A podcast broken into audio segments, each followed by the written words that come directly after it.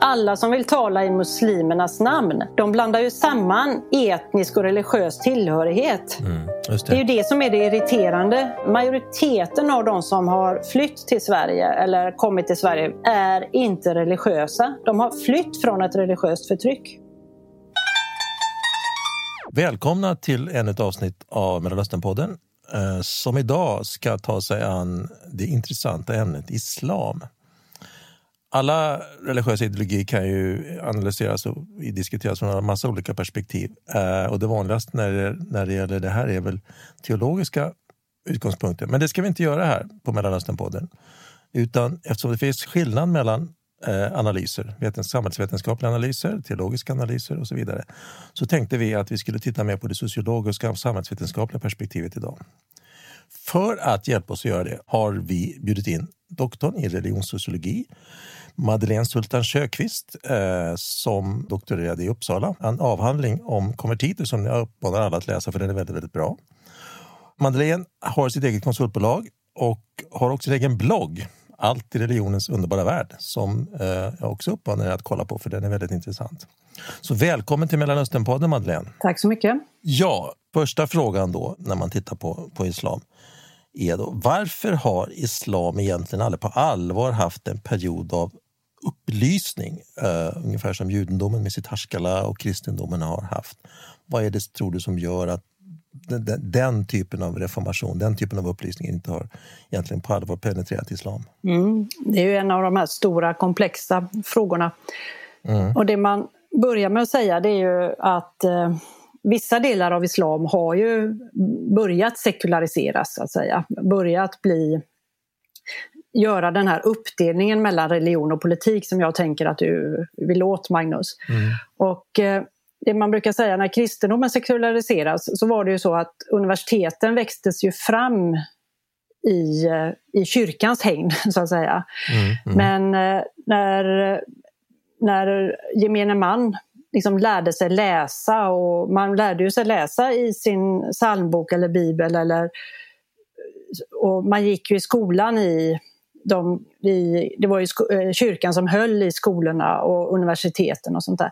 Men när människorna väl hade läst sig läsa så vände man ju sig också bort från eh, religionens värld. Så att framväxten av universitet och framväxten av det västerländska kritiska tänkandet med dess syn på förnuft och rationalitet och sådär. Det är ju ofta det som man brukar säga då, har spelat roll mm. för den framväxten. Och då får man ju vända på det och säga att så länge religionen kan ha makten över eh, både grundskolorna och de högre utbildningarna, alltså att det ytterst sett är prästerna eller imamerna eller den religiösa eliten som eh, beslutar vad som är rätt eller fel vetenskap. Så länge den makten kvarstår så är det ju svårt att sekularisera religionen. En följdfråga då. Ja. När, när, du säger eh, sekularisera eh, en religion, då, då, är du ute efter just den här så att säga, uppdelningen eller, eller privatiseringen av religion, när man kopplar ja, bort det religiösa från det politiska? Alltså, sekulariseringen brukar man ju säga att dels så avförtrollar man världen att man, man förstår att världen, det är inte Gud som har skapat världen, det är inte guden som har skapat livet och det är inte guden som styr skeendet i i världen så att säga. Utan man, dels avförtrollar man, det är det där Weberska begreppet då, man mm. avförtrollar eh, vetenskapen och man har inte metafysiska spekulationer längre om vad som styr världen och vad som är orsak och verkan utan där har man vetenskapliga förklaringar. Så det är ju den ena delen. Och sen nämnde du ju privatiseringen. Det brukar ju vara den, det andra benet då att, att religionen blir mer privat, det är någonting man har i hjärtat, det är någonting som inte är offentligt. Mm.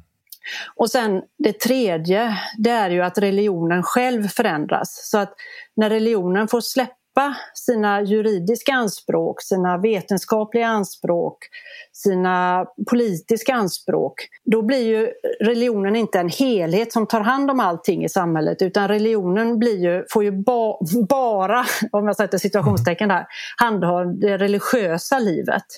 Och då blir ju religionen specialiserad på religion. Inte på att vara politiker eller vara ekonomer eller att styra vetenskapen och sånt. Mm. Så det är väl de tre benen man brukar titta på då.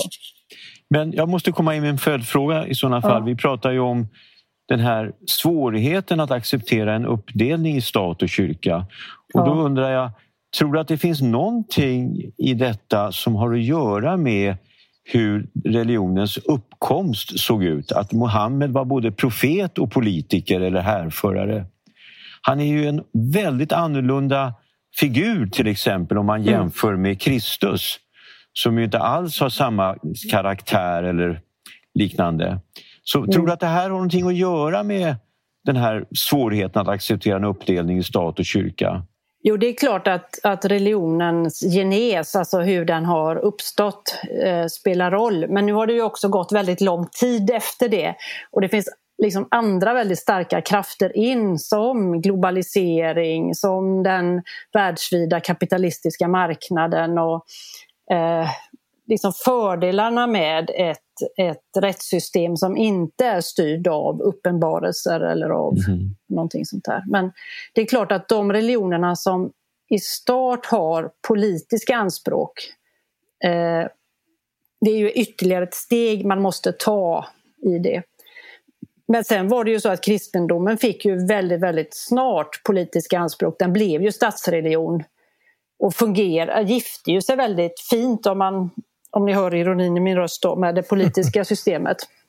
Och i Sverige har vi ju haft stats, kyrkan som statsreligion fram till 2000. Så att det, och där finns det ju fortfarande några relikter kvar va? med att, att äh, statshuvudet måste vara evangelisk luthersk och sådana här saker. Apropå det här med att Muhammed då var inte bara profet utan även också härförare och, och krigshärförare också. Det faktum att, att så många våldsdåd idag, terrorvåldsdåd begås av, av eh, individer och sammanslutningar som representerar islam, islam på olika sätt. Då, eh, som, eh, som de rättfärdigar sig utifrån eh, eh helt eh, så att säga, korrekta, om, om ni vill, citat från eh, diverse religiösa skrifter. Tror du det kan också hänga, hänga samman med det här eh, faktumet att det har från början var inbyggt på eh, flera så att säga, dimensioner, det religiösa, det politiska, det militära? Jag skulle vilja säga på lite annorlunda sätt då att alltså genesen som ni är inne på, den kan ju spela roll.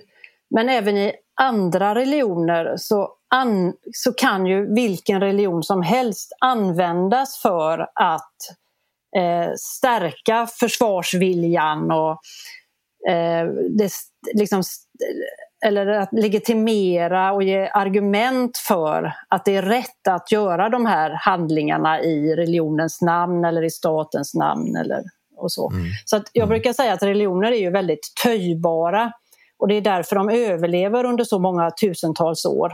Så att det har eh, det är därför de kan liksom anpassas i olika historiska och sociala kontexter. Och du kan ha den liksom mest liberala tolkningen av islam och du kan ha den mest konservativa eller fundamentalistiska tolkningen av islam. Och de hämtar idéer från samma källor, de har samma eh, figurer i den religiösa traditionen som role models och inspirationer och sånt där. Mm. Mm. Fast de, de tolkar dem på olika sätt. Men ser du att det finns så att säga, en pågående växande rörelse som handlar om att reformera islam? Tycker du att det finns tecken på att det pågår någonting omvälvande i den här religiösa traditionen? Det där är en väldigt intressant fråga för att det där kan man ju grunna ihjäl sig på. uh, det, den, är, den är jättelurig va? för att där får man ju titta på vilka religiösa släkter till och med. Vem sitter på den teologiska makten i de olika religiösa samfunden? Eh, vad har de för allianser mot eh, andra grupper? Och hur hanterar de här utbrytargrupper? Om vi tar katolska kyrkan eh, som är konservativ och så. Där finns ju massa liberalteologiska grupper men har de egentligen någon påverkan på majoritetstolkningen eller inte? Och jag skulle säga att de har mycket marginell tolkning eller påverkan på eh, majoritet. Så även om det finns utbrytargrupper och mer radikala grupper och moskéer där kvinnor och män ber sida vid sida så är ju det ofta så att de här utbrytargrupperna, de här mer liberala strömningarna har ju väldigt svårt att påverka majoritetstolkningen. Och hur skulle majoritetstolkningen kunna påverkas? Vad kan man föreställa sig om man vill ha någon form av mer tolerant islam till exempel? Ja, alltså om du överhuvudtaget ska ha mer tolerant religion så det enda som påverkar dem det är ju minska, det är två saker. Minskat medlemstal så att de inte är så stora och betydande längre i antal medlemmar. Och den ekonomiska basen förstås. Mm. Så det är de två sakerna som jag brukar titta på om när det sker en förändring så att säga. Man förändras ju inte liksom på, på ett sätt av att ja, men här finns mer argument eller här finns bättre argument eller samhället är sådär. Utan det är ju mer hardcore grejer. Så att mm. Den ekonomiska basen och antal medlemmar. Mm. Mm. Okej, okay, men om du tittar på just de två variablerna. Ja. Ser du att det är någonting på gång? Ser du att det är början på ett stort skifte av något slag? Jag tror att samtliga världsreligioner har ju väldigt svårt att attrahera medlemmar idag. Mm. Det, det, är inte bara islam så. Men om vi tittar, även om de, de har den politiska makten och även om man har en väldigt stark ekonomisk bas i, i religionen så är det ju så att om vi tittar på gemene man så är ju de i väldigt lite utsträckning, de blir ju mindre och mindre religiösa. Alltså man blir så traditionell religiös. Och det är ju ett tecken som man ser. Att majoriteten av människorna blir mer kulturmuslimer och så ska jag säga. Det har ju funnits, i alla fall de senaste 10-15 åren eh, eh, i, i väst, i, i Sverige också, en, en, sorts idé om att, jag tror Frankrike var först ute med det, att, att försöka så att säga, uppifrån reformera, hjälpa till att liberalisera, reformera ja. eh, religionen och islam. Då. Och I det sammanhanget i Sverige så diskuterades ju att vi skulle, om vi skulle ha en statlig imamutbildning. Ja. Eh, hur, hur, ser du på den frågan? Alltså för, för mig känns det som att det, mm. alldeles, alldeles oavsett alla andra skäl så är det väldigt svårt att reformera en religion och definitivt göra uppifrån. Det finns väl inga lyckosamma exempel på det överhuvudtaget. Nej, Eh, nej, jag är ju tveksam till imamutbildning då. Mm. Eh, jag kan ju tänka mig att staten gärna vill det för att man vill ha kontroll. Då får man ytterligare ett kontrollinstrument in i den religiösa gruppen. Mm. Man försöker ju, ett annat kontrollinstrument man har det är ju stöd till trossamfund till exempel. Mm. Där, där säger man ju då att man måste följa vissa demokratiska regler och fri och rättigheter för att få del av de här pengarna. Och ett annat sätt är ju att, att styra utbildningen. Det är ju en principiell fråga som man kan ha olika åsikter om men jag menar att det är viktigare att samfunden håller sina egna utbildningar. Det här är ju en utbildning i konfessionell tro. Mm. Eh, och många religioner har ju magiska inslag, alltså rituella inslag där man tror att om man gör si eller så så kommer detta och detta hända. Mm. Och det vilar ju inte alls på beprövad erfarenhet och vetenskapligt tänkande. Så jag tror att det är väldigt farligt att i någon form av postmodern anda gå in och eh, ha statliga prästutbildningar eller statliga imamutbildningar eller statliga rabbinutbildningar. Jag tycker att där ska staten verkligen visa att den är konfessionsneutral och hålla samfunden på armlängds avstånd. Och då får man helt enkelt ta att man mister det här kontrollinstrumentet. Då. För det är en väldigt viktig principiell fråga för en liberal demokrati. Alltså inte, parti, inte partiliberal utan en mer alltså en liberal som en grundfundament i ett samhälle. Då. Mm. Men, men, tror du att det var framförallt av så att säga, ett kontrollbehov. Ja, absolut. Och, Vad skulle det annars vara? Ja, du nämnde det här med postmodernistiska synsättet. Jo, men då och, tänker man ju att liksom, det finns det ingen sanning och då kan ju de Nej, tro som de vill. Och sen kan vi ja. ha vår vetenskap som en annan. Alltså man ser vetenskap mm, som en mm, tro mm, och mm. man ser liksom allting som berättelser. Va? Men mm. här tror jag att eh, ja, min vetenskapliga syn och min politiska eh, övertygelse är ju att eh, man ska hålla isär vetenskap och religion. Mm. Då. Och då får det ju mm. konsekvenser för att man tar bort de teologiska utbildningarna och att det är någonting som kyrkorna själva får driva så att säga. Mm. Man ska inte ha konfessionella varken grundskolor eller högskolor. Om vi backar tillbaka lite grann för jag tyckte det var intressant. Du nämnde den här liberala moskén i Berlin som har fått ja. en stor uppmärksamhet där män och kvinnor ber tillsammans. Mm. Och den, den har ju fått på sig en fatwa från Al-Azhar i Kairo. Fatwa från det arabiska verbet afta som betyder avge ett utlåtande är ofta ett svar på en specifik fråga från en lärd i muslimsk rätt. Eh, det kan handla om en enskild person som frågar eller en mer allmän frågeställning. Och då undrar jag, hur ska man tolka det? Skulle du säga att det är ett uttryck för att det finns en rädsla hos de egyptiska imamerna? Att det finns ett behov av att liksom slå till så hårt som möjligt, så tidigt som möjligt för att slippa få någon form av ja, alternativ utveckling? Ja, alltså ur den troendes perspektiv är det oerhört viktigt att hålla läran ren och rätt. Och då tar man ju till de medlen man har så att säga. Att, eh, att se till att de som tror på fel sätt eller gör fel, felaktiga rituella handlingar att man markerar på att de där tillhör inte den rätta läran. Men är det inte en väldigt stark åtgärd att utfärda en fatwa? Jo. Det kanske är så att man upplever moderniseringsprocessen och sekulariseringsprocessen så stark. Va? Ja, man vill ha kontrollen över den rätta läran. Mm. Alltså, det, det, här handlar ju också om er första fråga om religionen börjar sekulariseras inifrån. Eh, då måste man ju ta tag i de här besvärliga frågorna om vilket sanningsanspråk man har, vilka filosofiska grunder har jag för detta? Eh, hur förhåller jag mig till andra religioners sanningsanspråk? Hur, eh, hur, stå, hur förhåller sig detta till, till olika sekulära sätt att tänka? Och liksom när man börjar släppa den över tröskeln då, då börjar ju religionen sekulariseras och då, då, får man ju liksom, då måste man inse att man tolkar sin religion och sina urkunder. Man säger inte bara det här vill Gud och det här säger Gud till mig utan man måste inse att nej, men jag tolkar utifrån de här premisserna. Och börjar man det så har man ju börjat med, eh, då har man ju släppt sitt absoluta sanningsanspråk. Mm. Det finns uh, ganska tydliga tecken på att det blir allt svårare för icke-muslimska minoriteter i, uh, runt om i, i uh, den arabiska världen, muslimska världen att överleva. Ja. De, de, största grupperna, kopter och kurder, Eh, och mm. Det finns vissa forskare som säger att det kommer vara de enda som kommer att kunna klara av att fortsätta mm. existera.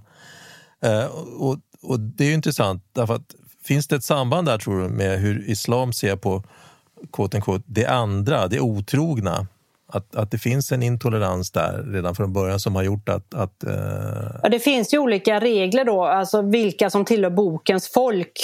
Och där mm. finns ju en inomteologisk diskussion om Eh, tillhör Mandena, bo, bokens folk till exempel. Alltså den här gnostiska ja, döparrörelsen, kristna döparrörelsen. Mm. Eller inte, har man tolerans mot den eller inte? Um, så att dels finns ju den här stora kategorin då att ja, muslimer, judar och kristna ändå tillhör mm, mm.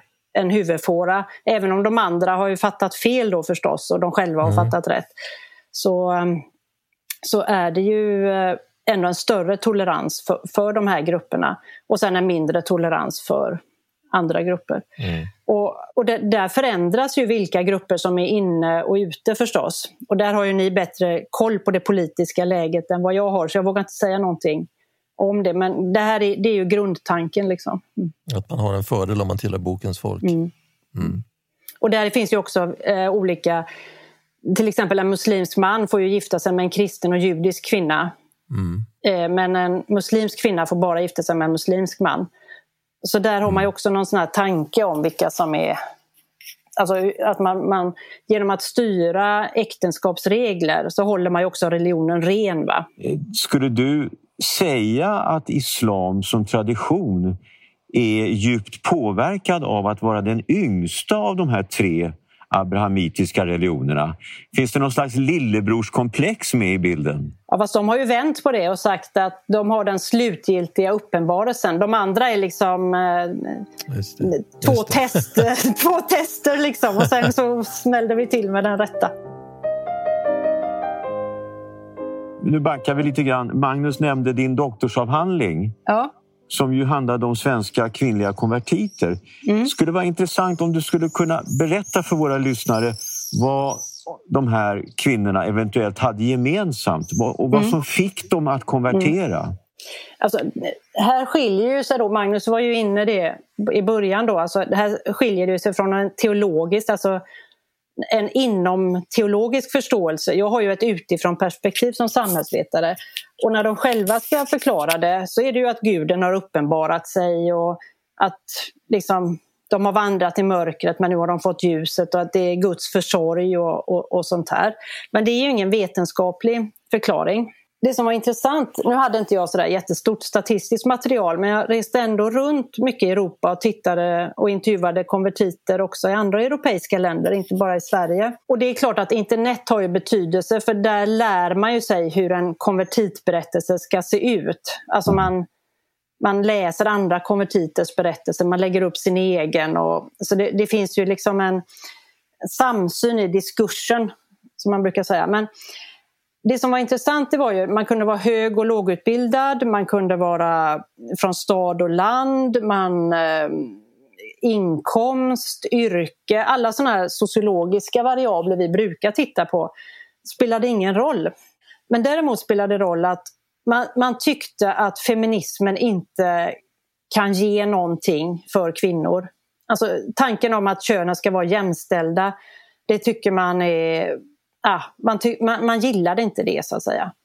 Och sen det andra var, det är ju att man i tillfällen av när livet ändrar sig, man kanske flyttar till en ny stad, man har inte de här släktsammanhanget eh, eller ett gammalt vänskapssammanhang utan man är rätt ensam i en ny stad. Man börjar på en utbildning eller man flyttar till ett nytt jobb eller någonting. Eller man har precis skilt sig så att man är i transition som vi kallar det vetenskapligt. Då. Om man då träffar muslimer då finns det ett tillfälle för att man liksom blir mer och mer intresserad. Men sen var det ju inte en majoritet av alla som blir, träffar muslimska vänner och blir intresserade som konverterar utan det är fortfarande en minoritet. Men jag brukar alltid säga så här att i, i välbärgade villaområden där folk har fullt upp med Volvo, villa och vovve brukar man säga. Det är ju inte de områdena som eh, religiösa grupper som missionerar går utan de går ju i områden där nyskilda kvinnor och män bor, där studenter precis har flyttat in eller där det kan vara lite rörigt. Va? För det är ju där som det är lättast att dra in medlemmar. Men med andra ord, du skulle säga att det finns de som konverterar uppfattar bland annat att här finns ett löfte om gemenskap. Ja, alltså man får en tillhörighet. Man får tillhörighet och gemenskap. Mm. Och sen så hade man väl en känsla av att, att världen är så fragmentiserad. Alltså den moderna världen är ju differentierad som vi säger. Att polisen för sig, skolan för sig och ja, det är de här stuprören då som vi, vi kan en del lider av, en del tycker det är, är toppen. Men alltså att livet hänger inte ihop. Utan det är olika regler på olika ställen och sånt där. Och de kunde säga så här, jag är fundamentalist, det är underbart, jag bara läser som det står och så gör jag det och så blir det rätt. Jag behöver inte fundera. De tycker ju det var toppen en guidebok för hur man ska vara hela livet med Ja, och då liksom nej, men hur man ska rösta, hur du ska göra när du varit på toa, hur du ska göra före efter sex, hur du ska laga din mat, vilka, vilka du får umgås med, vilka du inte får umgås med, hur du ska rösta. Alltså allting. Det fanns regler för stort och smått. Och i början var ju detta väldigt attraktivt för dessa kvinnor.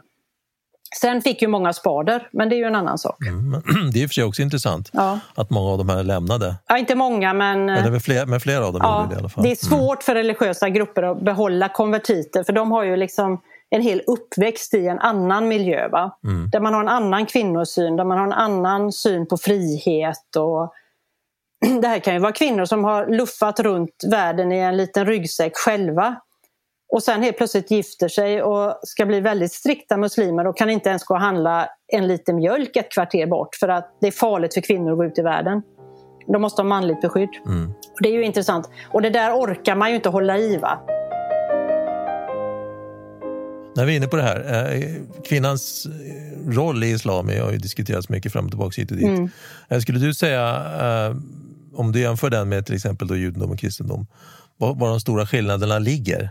Du var inne på det lite grann här, att, att det blir mer restriktivt. Jag skulle säga att skillnaden ligger ju liksom mellan de ortodoxa konservativa fundamentalistiska grupperna som ser könen som olika men lika mycket värda.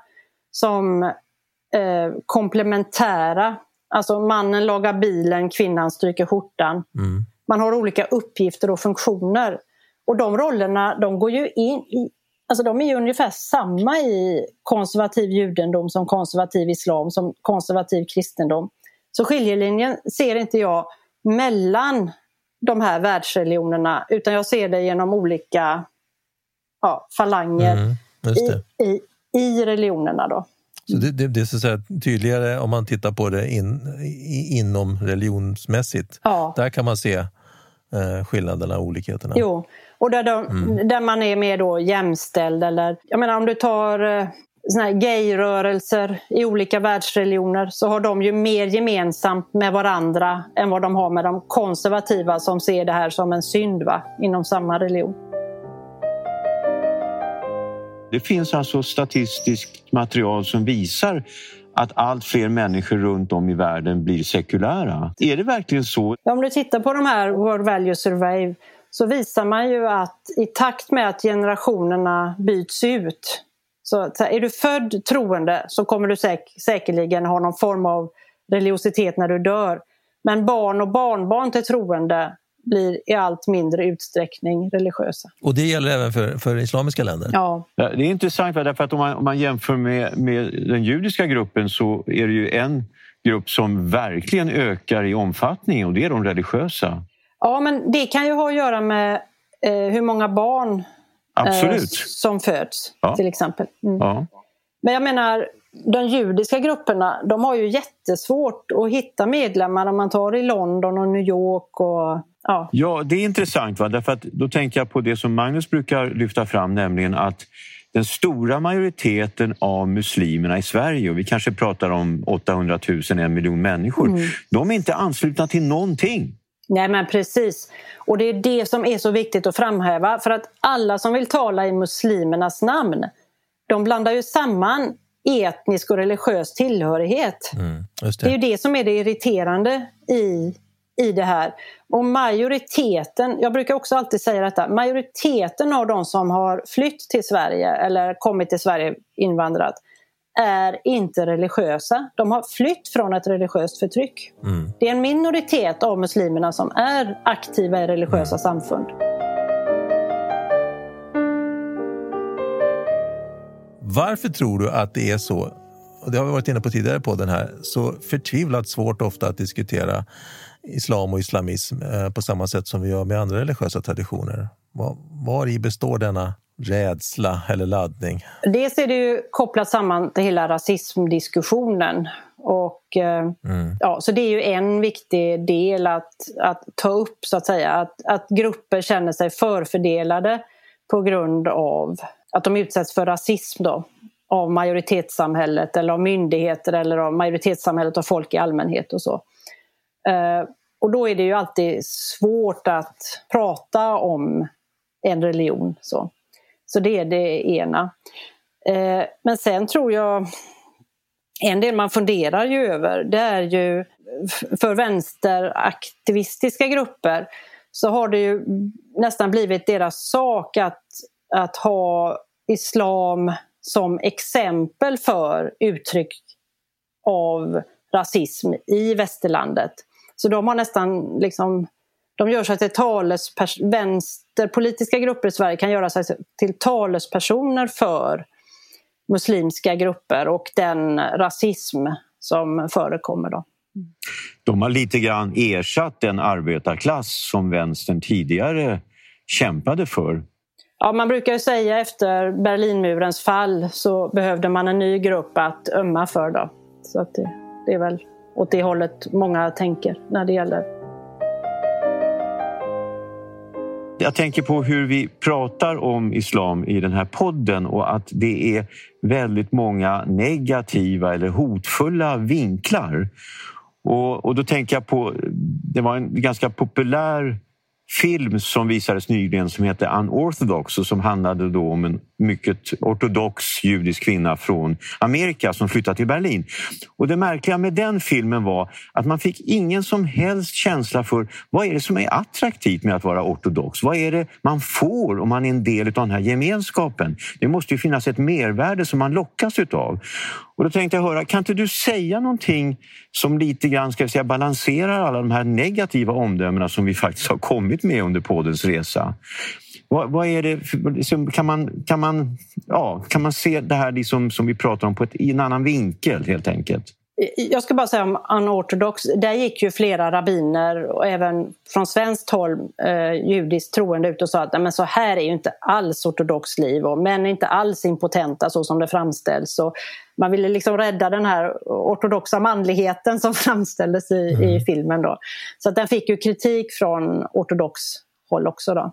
Men jag tror ju att det är bara en tidsfråga innan vi kommer se något liknande från andra religiösa traditioner inklusive islam. Då. Och vi har ju Knutby-filmen som, mm. i Sverige nu då, som är aktuell. Så det tror jag, det, det kommer komma från fler.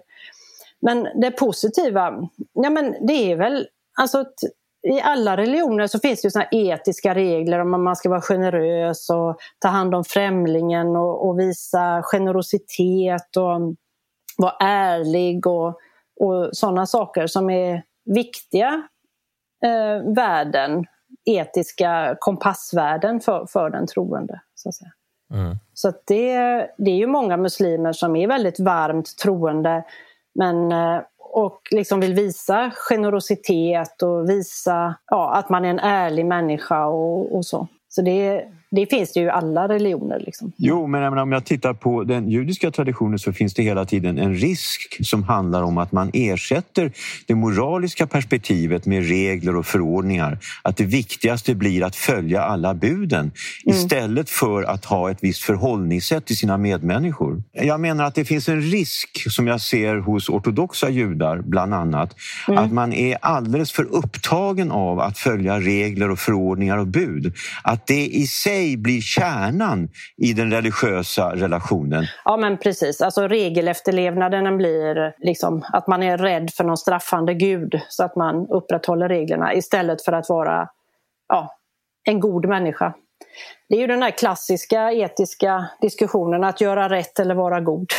Det är ju väldigt bra avslutande ord. Eh, vi lämnar våra lyssnare med dessa enormt stora frågor. Tack Madeleine för att du ville vara med. Tack. Ingen orsak, bara trevligt. Ha det gott. Ja, Hej då. Vi hörs. Hej. Nästa avsnitt av Mellanösternpodden kommer redan nästa torsdag, alltså 9 september. Och det är ett extrainsatt avsnitt om Afghanistan. Ett land som i och för sig inte tillhör Mellanöstern men som påverkar Mellanöstern i väldigt hög grad. Det är också ett land där undertecknad har rest runt och forskat om en hel del. Och vi tänkte försöka gå bakom kulisserna på en del av de, i vissa fall, rent hysteriska utspel som har hörts och synts eh, i media sedan talibanerna tog över. Välkomna den 9 september alltså.